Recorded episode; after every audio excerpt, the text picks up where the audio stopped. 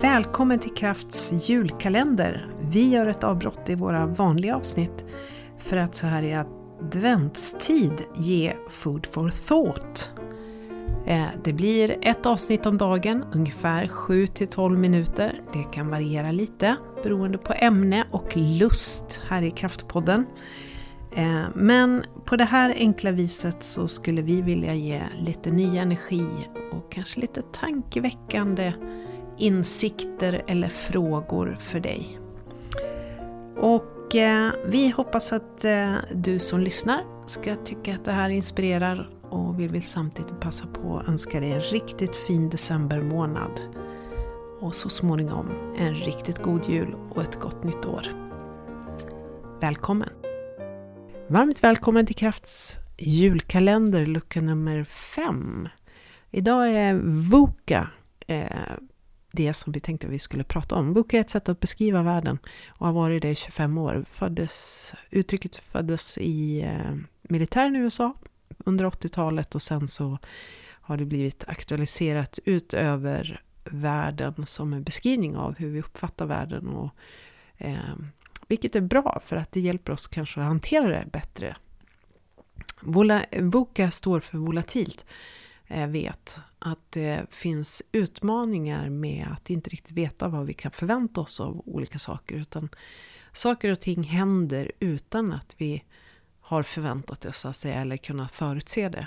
Och det gör att det är svårt att fatta beslut. Och en bidragande orsak är också att det är svårt att kanske få fatt i rätt information. Det finns mycket information men kan vi lita på den? Eh, och vill man hantera den här volatiliteten så gör man klokt i att bygga in lite sådana här buffertar av tid och resurser eh, förmodligen. Sen så VUCA är ju nästa bokstav är ju U, uncertainty eller osäkerhet på svenska då. Eh, att allt är osäkert. Så även om vi har mycket information och sådär så är det mycket som vi inte vet. Eh, och det är möjligt att allting förändras eh, väldigt, väldigt fort. Ibland och lite mer långsamt ibland. Så det gäller att eh, ja, investera i information, samla på information, försöka samla på kunskap och kompetens, eh, höra sig för bland specialister på många olika sätt för att faktiskt eh, kunna hantera osäkerheten. Vi vet inte så mycket om varje situation och då är det också svårt att förutse resultatet utav det vi gör. Sen har vi C till VUCA, det är komplexitet. Um, complexity på engelska.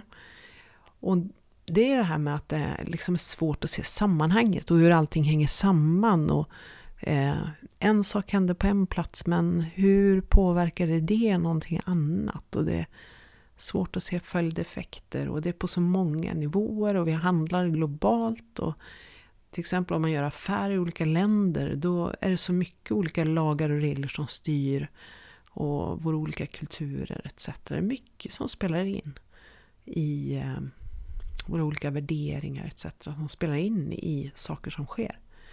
Så det är komplext. Det är inte bara liksom ett plus ett blir två. Utan vi behöver verkligen reflektera över och skaffa oss resurser för att kunna liksom adressera den där komplexiteten. Har man sagt då i VUCA Times. Och så den sista bokstaven som är ambiguity, tvetydighet. Eh, handlar också om att ingenting är helt klart. Liksom. Det, är lite dim, det är som att gå i dimma eller att eh, vi inte ser helt klart hur saker och ting hör ihop. Det är svårt att avgöra vad som kommer att bli effekten eller vilka eh, kompetenser vi behöver. Man behöver experimentera och ha en inställning av att vi testar oss fram, jobba agilt. Eh, och så får se vad det leder till. Och nu så säger man kanske att Voka inte är grejen längre. Utan att en bättre beskrivning är Bani. Och det ska vi prata om i ett annat avsnitt, men det man pratar om är att världen faktiskt är i kaos, inte bara i osäkerhet och volatilitet och att det är svårtolkat och komplext. Eh, utan att världen är spröd. Det är, och det beror på dels pandemin och det beror också på klimatkrisen och eh, även den politiska kris som är på sina håll i världen och som utsätter oss för, eller utsätter oss, världen beskrivs som ett kaos. Det ska vi prata mer om. När jag tänker på det här med Woka och Bunny, då tänker jag att man får nog paddla på ungefär som ankan. Lugnt på ovansidan av vattnet och paddla som bara den under kanske. Eller kanske du har en annan lösning. Eh, jag önskar i alla fall dig en fortsatt fin femte advent. Och eh, jag tänker gå ut och njuta av snön.